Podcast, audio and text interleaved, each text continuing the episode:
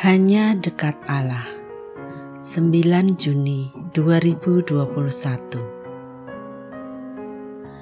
Menyatakan kasih. Amsal 27 ayat 5. Lebih baik teguran yang nyata-nyata daripada kasih yang tersembunyi. Amsal ini memperlihatkan dengan jelas bahwa kasih harus dinyatakan. Tak ubah referen lagu lama. Semua bisa bilang sayang, semua bisa bilang apalah artinya sayang tanpa kenyataan. Kasih memang harus ditunjukkan, khususnya kepada orang terdekat. John Newton, pencipta lagu Amazing Grace, pernah bilang begini: "Saya tahu ayah saya mengasihi saya." tetapi tampaknya ia tak ingin saya melihat hal itu. Ya, kasih perlu diperlihatkan, jangan disembunyikan.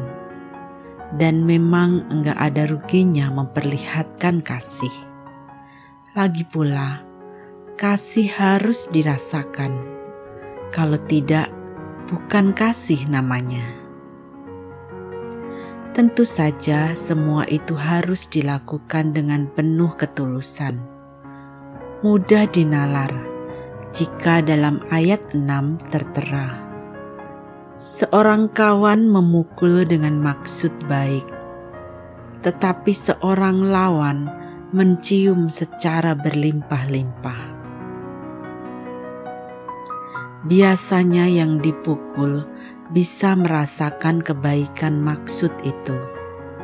Mulanya mungkin tak terima, tetapi seiring berlalunya waktu, malah bersyukur karena telah merasakan teguran yang syarat kasih.